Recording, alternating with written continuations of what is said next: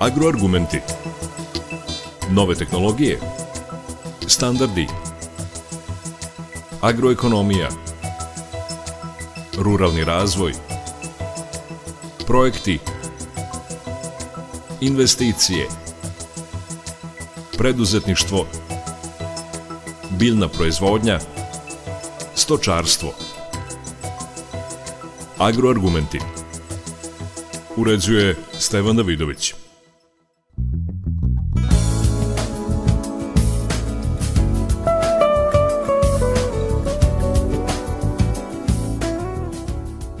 Današnjim agroargumentima govorimo o biljnoj proizvodnji, a kada reč o biljnoj proizvodnji, već decenijima na usluzi našim poljoprivrednicima jeste Institut za ratarstvo i povrtarstvo u Novom Sadu. Zato je naš gost predsednica upravnog odbora tog instituta, profesorka Dragana Latković. Dobar dan, dobro nam došli. Dobar dan, bolje vas našla i sve najbolje našim poljoprivrednim proizvođačima u novoj godini, da bude bolja, odnosno pre svega da bude zdravlja, a onda što se tiče poljoprivrede da nam bude bolja i da nam bude rodnija. Odmah da krenemo baš od te rodnosti, dakle, klimatske promene potpuno izvesne, kraj prošle i evo početak koje godine vanserijski toplo, tako da kažem, dakle nešto iznad proseka. Evo sad imamo zahlađenje. Kako će se to odražava generalno na biljnu proizvodnju? Pa mislim da smo svi sa velikim nestrpljenjem upravo čekali ovo zahlađenje zato što moramo priznati da je godina zaista i ova godina na svoj način e, specifična, je tako? Znači ove visoke temperature koje su išle preko 10, 12, 15 stepeni, je tako, tokom dana, radili su neki svoj posao, odnosno evo mogu da kažem konkretno što se tiče pšenice, je tako, koja je posejana, imamo masovno pozive od poljoprivrednih proizvođača koji se žale da je izuzetno veliki napad glodara i da evo tretiraju već po neki 4, 5, 6 puta puta. Tako da, eto, to sa sobom nosi specifičnost ovog dela godine.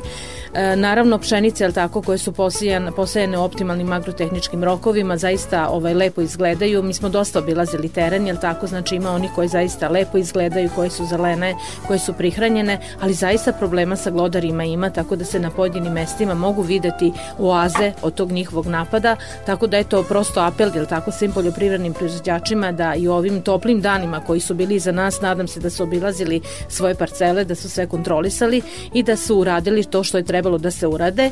E, poljoprivredno stručna služba, prognozno izveštajna služba je celo vreme bila na usluzi našim poljoprivrednim proizvođačima kao naravno institut i davala je stalno preporuke šta i kako da se radi. Tako da eto i ova godina počinje sa nekom svojom specifičnošću. Ono što ja kažem svake godine smo otprilike pripravnici u svom poslu i evo nadam se da smo ovaj bar deo posla, a to je zaštita pšenice i uopšte strnih žita od glodara, da smo to uspešno završili i nadam se sad da ove padavine i ovaj sneg koji je počeo da pada da će biti bolje. Ono što mi je posebno drago što ste gost emisije Agroargumenti jeste i ono na početku što smo što sam ja rekao, a to je zaista jeste bez obzira mnogo je semenskih kuća sad u našoj zemlji, ali kada nastane neki problem, naši poljoprivrednici su upućeni na institut za ratarstvo i povrtarstvo u Novom Sadu. Koliko vam se poljoprivrednici javljaju ili su vam ostali, kako bih rekao, onako, jedan kroz jedan? Naprosto vreme tu ništa nije moglo da naši poljoprivrednici imaju zaista tu taj odnos prema institutu kao domaćoj e, kući i domaćem znanju. Tako je, Institut za ratarstvo i povrtarstvo, Institut od nacionalnog značaja za Republiku Srbiju je prošle 2023. godine proslavio 85 godina svog postojanja i naravno da su naši poljoprivredni proizvođači navikli da smo mi uvek tu za njih. Znači ono što ja uvek govorim jeste da je nauka temelj našeg instituta, da je e, nauka je znači temelj i pokretač, da kažem, ove srpske poljoprivrede, ali ono što je bitno je tako da ta nauka lično za nas koji radimo u Institutu za ratarstvo i povrtarstvo ne bi nekako imala neki smisao, jel tako, ako bi svi ti rezultati završavali samo u institutu, znači naš je cilj da ta sva najnovija saznanja za, završe upravo kod naših poljoprivrednih proizvođača, odnosno da završe u brazdi. Znači to se pokazalo kao, da kažem, izuzetno dobro, jer nemojmo zaboraviti e, prošli vek, ja to uvek moram da napomenjam, odnosno period od 72. do 86. godine kada je Vojvodina bila vodeći region u Evropi po visini prinosa kukuruza. A zašto je to tako bilo? Znači, jedan razlog je bio i to što je nauka bila u brazdi. Znači, naš cilj, cilj sadašnjeg rukovodstva instituta je upravo to da se ne ponovo, nego da se još više približimo našim poljoprivrednim proizvođačima, da im stojimo na, na usluzi i oni su zaista navikli da nas onako, kako da kažem, kao neke svoje rođene zovu, da pitaju e, koji su problemi, šta da se radi, kako da se reaguje i to je nama naročito drago. E, sa druge strane, moram da kažem da i naučni radnici Instituta za ratarstvo e, sa jedne strane osluškuju e, šta to poljoprivredni proizvođači govore, koji su to neki novi e, problemi sa kojima se suočavaju, tako da je to i nama kao institutu od nacionalnog značaja putokaz u kom smeru ići, šta raditi, na koja istraživanja se usmeriti. I mislim da smo u tome, što se kaže, jako uspešni. Znači, tome, eto, je či, i sama činjenica da institut postoji 85 godina, da smo zastupljeni na domaćem tržištu, naravno naš cilj je da budemo zastupljeni, jel tako, još više, zato što je izuzetno velika borba sa multinacionalnim kompanijama koje u svoj marketing ulažu daleko više novaca, jel tako, zato što su prosto moćnije, ali mi smo tu, uvek tu, mi smo domaći e, i ono, nemojmo zaboraviti, mi smo institut koji daje jednu prehrambenu sigurnost i stabilnost našoj zemlji, znači radi se na oplemenjivanju 43 biljne vrste, prodajemo naša semena u 34 zemlje sveta, tako da imamo zaista čime da se ponosimo, a što bi rekli naši domaći. O pšenici ste malo govorili na samom početku našeg razgovora. Ono što je u setvenoj strukturi gotovo svakog našeg poljoprivrednika jeste kukuruz. Kakve su novine kada je reč o Institutu za ratarstvo i povrtarstvo, kada je reč o tehnologiji proizvodnje e, ove zaista najvažnije možda naše izvozne biljke. Tako je, znači pa kukuruz se u našoj zemlji, ajde da kažem u proseku u ove zadnjih možda 15-20 godina gaji tu negde između 900.000 e, hektara do milioni 100.000 hektara, znači sve to zavisi ili tako i od kretanja na tržištu i od toga da li će poljoprivredni proizvođači više poseti e, strnina, uljane repice i tako dalje. Međutim, definitivno kukuruz je kralj useva.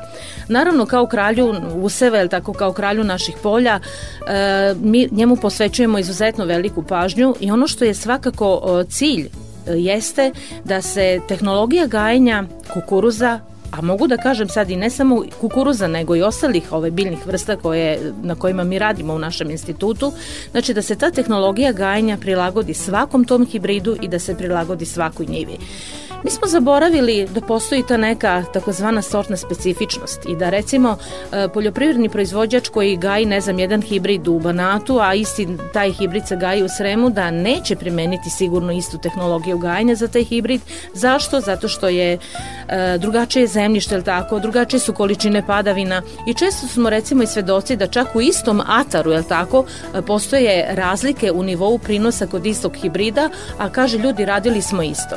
Znači ono od čega svakako treba svaki poljoprivredni proizvođač da krene jeste da se urade detaljno te takozvane agrohemijske analize zemljišta koje se rade svake treće, četvrte ili pete godine, znači da vidimo kakav je pH, e, kakav je e, sadržaj humusa, karbonata, koliko ima fosfora, koliko ima kalijuma, koji je procenat azota, znači krećemo od toga, onda odaberemo, ali tako, koji ćemo hibrid da gajimo, planiramo prinos, na osnovu toga planiramo đubrenje i tako dalje. Znači, novina ima jako puno, e, na njima se stalno radi, stalno se usavršava, to su na kraju krajeva i naši ogledi, jel tako, koji su neki od njih postavljeni u institutu još 1950. godine, pa evo na ovamo, tako da, kako da kažem, svi rezultati do kojih smo mi došli su naši rezultati, rađeni ovde na našim oglednim poljima, u našim agroekološkim uslovima i zaista jedan hibrid, jel tako, pre nego što i bude zvanično priznat, on se nalazi u raznim ogledima, između ostalom i u agrotehničkim, da vidimo kako reaguje e, na gustinu setve, da vidimo kako reaguje na vreme setve. I to su sve neki pokazatelji koji onda nama e, daju, e, da kažem, realne mogućnosti da damo pravilnu preporuku kako postupati sa tim hibridom. Da li ima još nekih novih tehnologija? Naravno da ima. Znači, novih tehnologija ima i u samom oplemenjivanju, pošto naše kolege koje se bave oplemenjivanjem prate, da kažem, i najnovije svetske trendove. I naši poljoprivredni proizvođači jako dobro znaju da evo tokom ovih zadnjih, jel tako, godina nekako se menjala, da kažem, i arhitektura same biljke kukuruza. Mi smo nekada navikli da su to visoki kukuruzi, da imaju široke položene listove, međutim, evo danas smo tako svedoci da se ide na nešto, da kažem, e, niže biljke, da su listavi, listovi uspravni, to je taj takozvani erektofilni tip lista, znači to upravo omogućava, jel tako, kukuruzu da se se gušće, onda opet imamo i tu pojavu, jel tako, tog takozvanog stay greena, znači da listovi ostanu što duže zeleni, da bi e, fotosintetska aktivnost bila što duža, opet da bi prinos bio viši. Onda radi se na tome e, da recimo u samoj selekciji kukuruza postoji, ajde da kažem uslovno, jedan smer koji radi na tome u oplemenjivanju da ta donja kolenca kod kukuruza budu e, što čvršća, da budu što, što deblja, da u njem, njima ima što više mehaničkog tkiva da bi kukuruz bio neću reći otporan, ali da bi bio tolerantan prema lomu i prema poleganju. I evo mogu da kažem da ove prošle 2023. godine kada smo na nesreću imali jel tako te super čelijske oluje koje su zahvatile i rimske šančevine, zahvatile su naše ogledno polje, znači sve onako bilo sravnjeno. Međutim ja sam u obilasku sa kolegama upravo iz zavoda za odnosno odelenja za kukuruz kada smo ih obilazili rekla ljudi imate jako dobar um, oplemenjivački materijal. Zašto? Pa zato što ni jedna biljka nije bila slomljena, ona je bila polegla. Znači, dobar pokazatelj nečega, a recimo usput su bile slomljena, su drveća bila iščupana iz korena ili ne znam neke gvozdene bandere i tako dalje. Ja uvek kažem poljoprivrednim proizvođačima, dobro seme, kvalitetno seme vam je e, garant 50% da će, da će proizvodnja biti uspešna, ali tehnologija gajenja je onih drugih 50% i naravno sve te agrotehničke mere, jel tako, treba ispoštovati od početka do kraja, da se izvedu uh, tačno na vreme, da se izvedu kvalitetno, da nema nikakve žurbe, jer nemojmo zaboraviti da greške koje uradimo u nekim agrotehničkim merama, kasnije se, jel tako, nikakvim drugim merama ne mogu ne mogu ovaj popraviti. I ono što je još bitno i evo što je moj neki apel, ovaj što bi ja rekla evo u ovom momentu ovaj pred razmišljanje o toj pro, predstojećoj jel tako prolećnoj setvi je sledeće. Znači, dragi poljoprivredni proizvođači, ajde da se ove godine potrudimo da ono što zavisi isključivo i samo od nas, znači od naše odluke, da to uradimo onako kako treba. Znači, e, apelujem na vas, u okruženju se nalazi, jel tako, jako puno poljoprivredno stručnih službi, nalazi se poljoprivredni fakultet, nalazi se institut za ratarstvo i povrtarstvo, stalno smo na terenu. Znači, ako niste sigurni kako i šta, savetujte se, e, tražite pomoć, znači nije sramota nešto ne znati, e, sramota je čutati, jel tako i napraviti grešku. Savetujte se i sa starijim kolegama, iskusnim poljoprivrednim proizvođačima koji su, ja nekako imam osjećaj, zaista spremni da ovim mlađim, jel tako, koji sada dolaze, prenesu ta neka iskustva, jer ja kažem iskustvo uvijek treba poštovati. Treba ići napred, treba primenjivati novo, ali moramo se držati te neke osnove, moramo se držati te neke klasike i ponovo napominjujemo, moramo sve agrotehničke mere raditi na vreme i kvalitetno.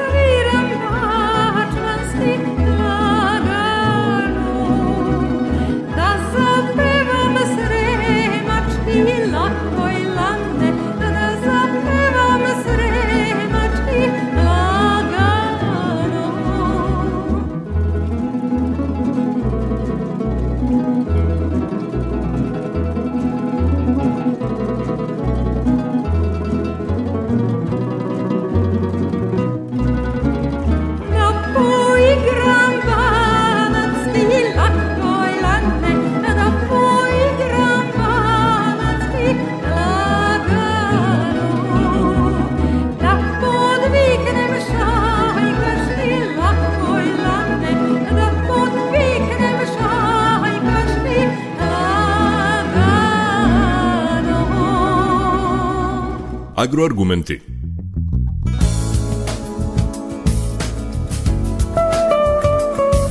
Da podsjetim naše slušaoce, gost u studiju je predsednica Upravnog odbora Novosadskog instituta za ratarstvo i povrtarstvo, profesorica Dragana Latković da nastavimo možda ovaj razgovor, ne znam koliko sad vremena da provedemo i koliko biljnih vrsta uvek ima nešto što nismo rekli, ali bi voleo za ovaj put da možda reč dve kažemo o alternativnim biljnim vrstama. Nosetski institut za ratarstvo i povrtarstvo mnogo čini da mnoge kulture koje su ovde bile dominantne ne iziđu sa ovih terena iz mnogo razloga. Šta se tu čini da očuvamo i onu neku tradicionalnu poljoprivredu koja ima budućnost?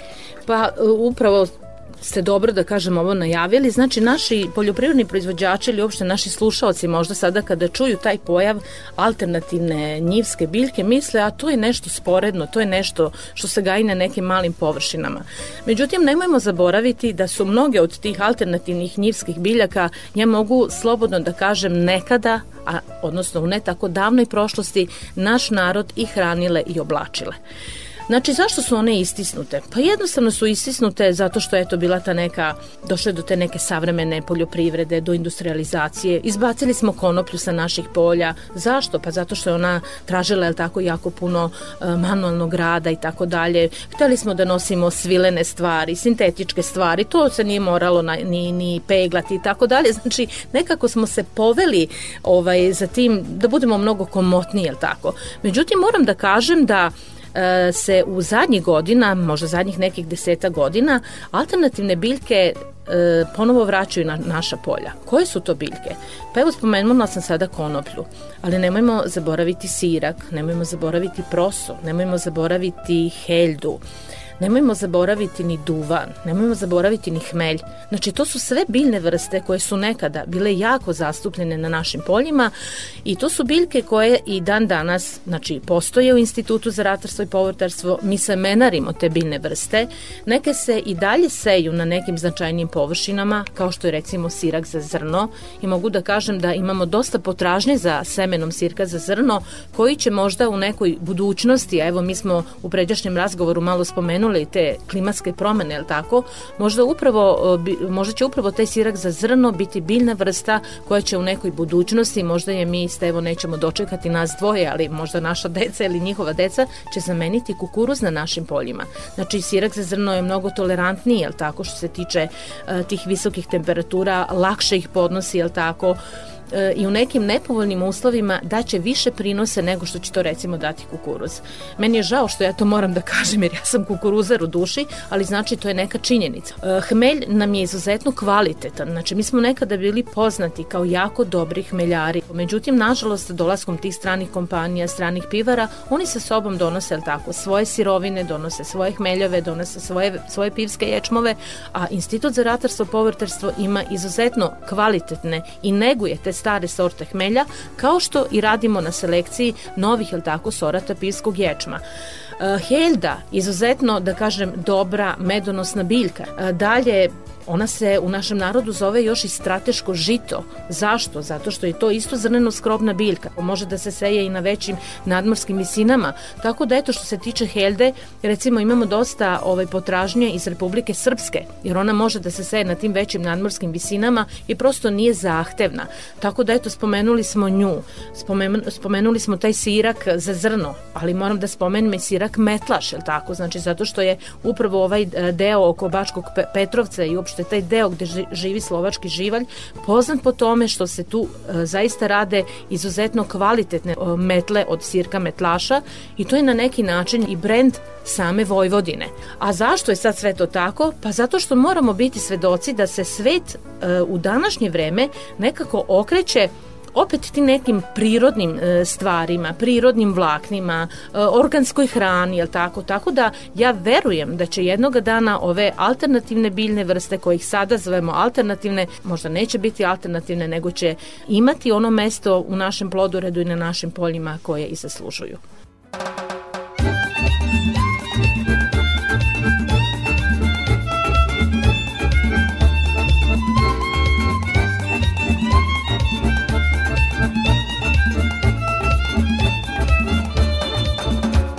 To davno beše, sećam se ja. Kad u tvom oku prvi put plam zasja Tad si meni znala reći Dragi pričaj mi o sreći Ne daj da zalud leti maj Tad si meni znala reći Dragi pričaj mi o sreći Ne daj da zalud leti maj To davno beše, sećam se ja Kad meni ti si rekla tvoja sam sva To se više vratit neće Sad su prošli dani sreće Ali još te uvek volim ja. To se više vratit neće Sad su prošli dani sreće Ali još te uvek volim ja. Po tihoj smo reci tada često plovili U malenom čamcu smo se prvi put poljubili Al sad je sasvim drugčije sve. I više nikad neće biti kao pre. Pokraj mene više nisi Čamcem plovim sam po tisi Ali još te uvek volim ja. Pokraj mene više nisi Čamcem plovim sam po tisi Ali još te uvek volim ja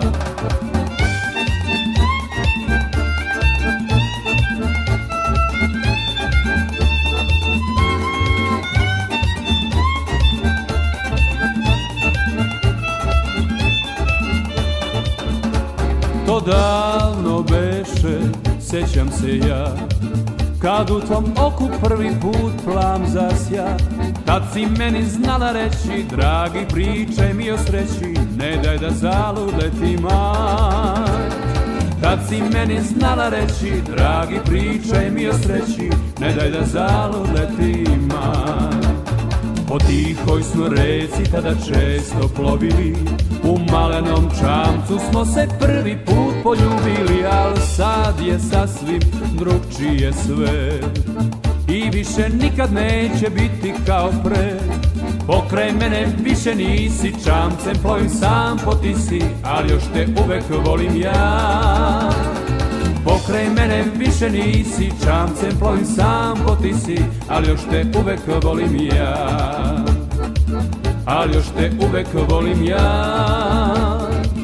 Ali još te uvek volim ja.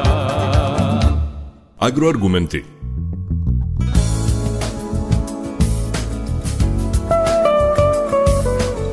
Profesorice Latković, e, Institut za ratarstvo i povrtarstvo nije samo direktno u vezi sa poljoprivrednicima, već i komunicira sa nadležnim osnovnom državom. Vi ste i neka, da kažem, spona između nadležnih, zato jeste Institut od nacionalnog značaja. Mnogi ste sugestiju upućivali nadležnima. Kako tu stvari stoje, kako komunicirate sa nadležnima, koliko su vam od pomoći, koliko ste vi njima od pomoći i šta se sve tu dešava? Pa Institut za ratarstvo i povrtarstvo znači Institut od nacionalnog značaja za Republiku, za Republiku Srbiju je pre svega tako državni institut. Mi se nalazimo u trenutno nadležnosti Ministarstva za nauku, pre toga je to je tako bilo Ministarstvo za prosvetu i nauku Republike Srbije.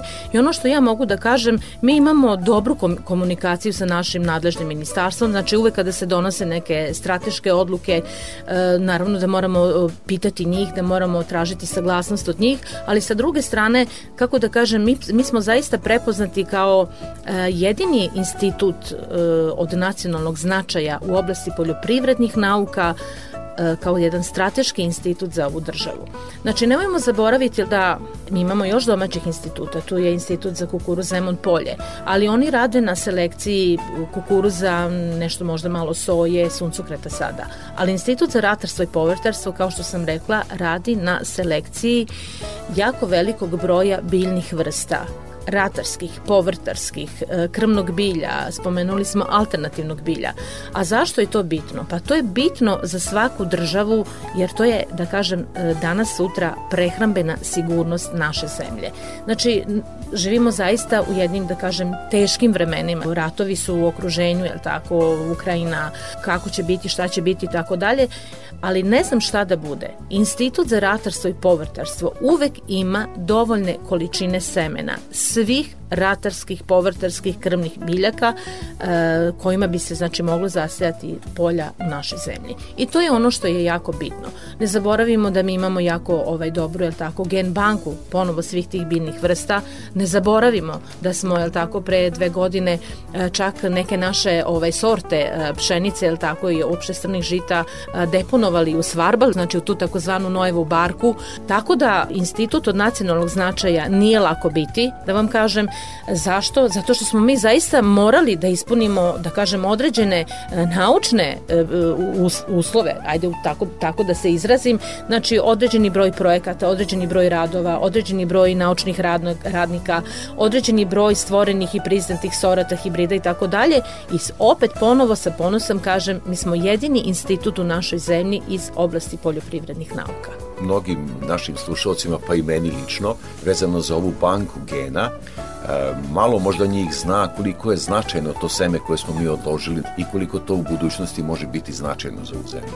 Pa ne samo za našu zemlju, znači to što se nalazi ovaj, na Svarbaldu, ili tako, to je gen banka koja, će se, koja se odnosi na ceo svet, ali ono što hoću da kažem našim poljoprivrednim proizvođačima u okviru svih naših odelenja, ili tako, postoje, da kažem, male gen banke i ovaj, ja uvek govorim i našim studentima, čuvajte e, domaće stare sorte i pšenice i tražite te osmake, seme, seme kukuruza osmaka ili onih, jel tako, stodanaca, čuvajte stare sorte i krušaka i šljiva i tako dalje.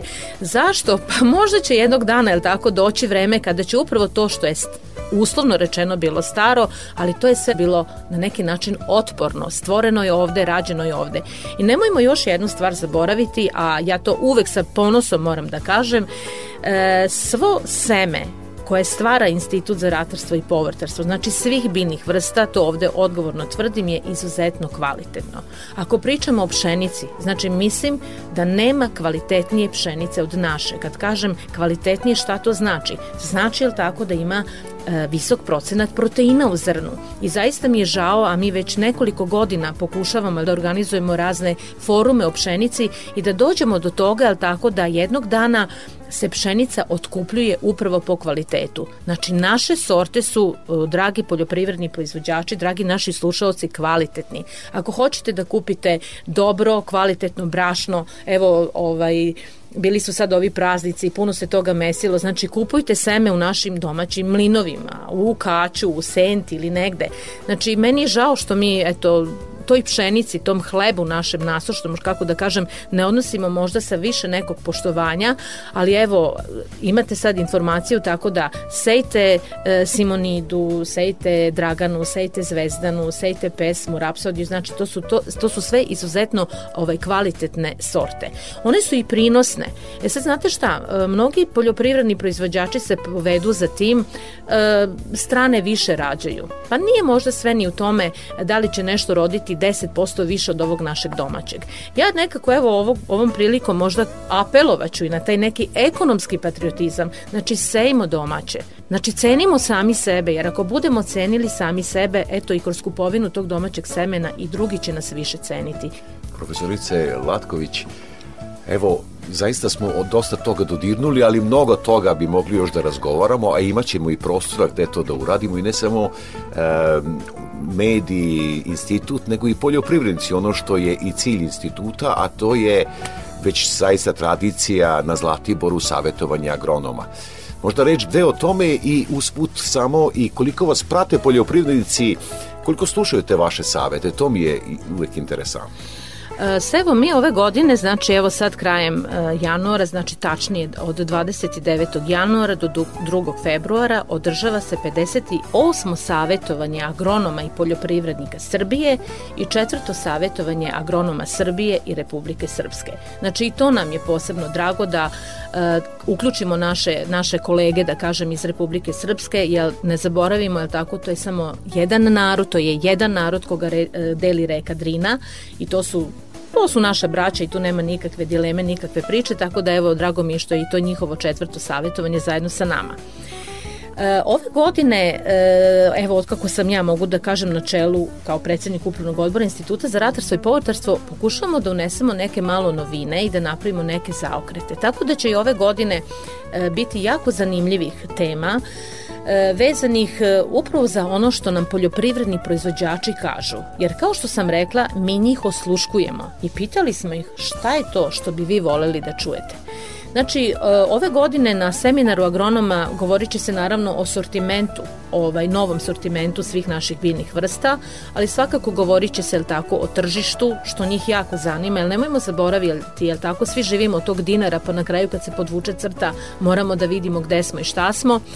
Ono čemu ćemo ove godine dati jako prioritet, to će biti mladi poljoprivredni proizvođači, ali proizvođači ene semena, koji će nam zaista biti dragi gosti i evo biće prilike da čujemo e, šta je to e, što je njih opredelilo da upravo seju NSM-e, zašto mu veruju, od koga su to čuli, od koga su to naučili i naravno tu će biti naši, da kažem, stariji poljoprivredni proizvođači koji nas, da kažem, eto, prate da ceo svoj život, pa ćemo nekako da ukrstimo jedne i druge i da vidimo da prenesu ovi stariji ovi mlađima neka svoje iskustva, ovi mlađi eto da postavljaju pitanja šta je to dobro. Jedna od veoma ovaj, zanimljivih panel diskusija koja će se odvijati na seminaru biće osiguranje poljoprivrednih useva.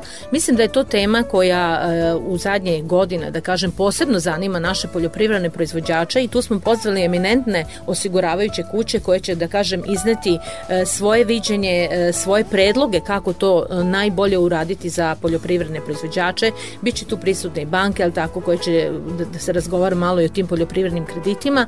Znači, biće puno, puno tema ovaj, i samog instituta, podele odeljenjima i tako dalje, ali ono što je bitno, ovaj, ja zaista očekujem na ovom 58. savjetovanju agronoma i predstavnike Ministarstva poljoprivrede, kao i pokrajinskog sekretarijata, koji će, da kažem, predstaviti, jel tako, agrarnu politiku za 2024. godinu i možda tu na licu mesta, jel tako, našim poljoprivrednim proizvođačima konkretno odgovoriti na neka njihova pitanja, na neke, na neke njihove nedoumice, a mislim da je mnogo tih nedoumica rešeno, vidimo da je Ministarstvo poljoprivrede zaista se tako zauzelo i što se tiče tih subvencija i da nikada taj budžet nije, nije bio veći.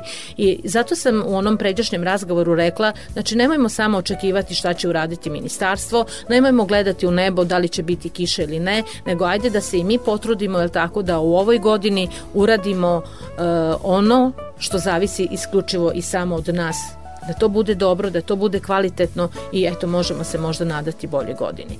Opet napominjem, nemojte misliti da se ograđujem, ali nemojmo zaboraviti, jel tako, poljoprivreda je fabrika pod otvorenim nebom, e, kako će biti ne znamo, e, meni je žao što nema više tih zimskih padavina, jer nemojmo zaboraviti, mi živimo u tom jednom semiaridnom regionu gde je da kažem, ograničavajući faktor proizvodnje pre svega ovih jarih kultura upravo taj nedostatak padavina tokom letnjih meseci i te visoke temperature, ali šta je tu, jel tako? Sve su to izazovi koji prate naš institut, koji prate naše poljoprivredne proizvođače, a mi smo tu da se sa tim suočavamo i da na najbolji način pokušamo da rešimo te, sve te izazove i te probleme. Profesorice Latković, mnogo vam hvala za ovaj razgovor, ne samo ovaj, nego tokom cele 2023. godine i nadam se još dugo godina unapred. Eh, hvala vama na pozivu, znači uvek mi je drago biti gost ovde ovaj, u vašem studiju, biti vaš sagovornik i evo ja ovim putem eh, pozivam eh, sve naše poljoprivredne proizvođače i sve,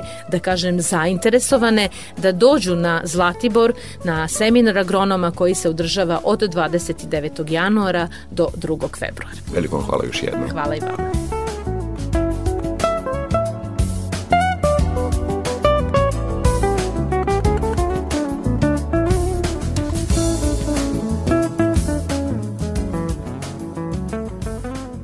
Slušali ste Agroargumente, emisiju montirao Dalibor Vidović. Pozdravlja vas urednik i voditelj Stevan Davidović. Možete nas slušati na portalu Radio Televizije Vojvodine na adresi rtv.rs.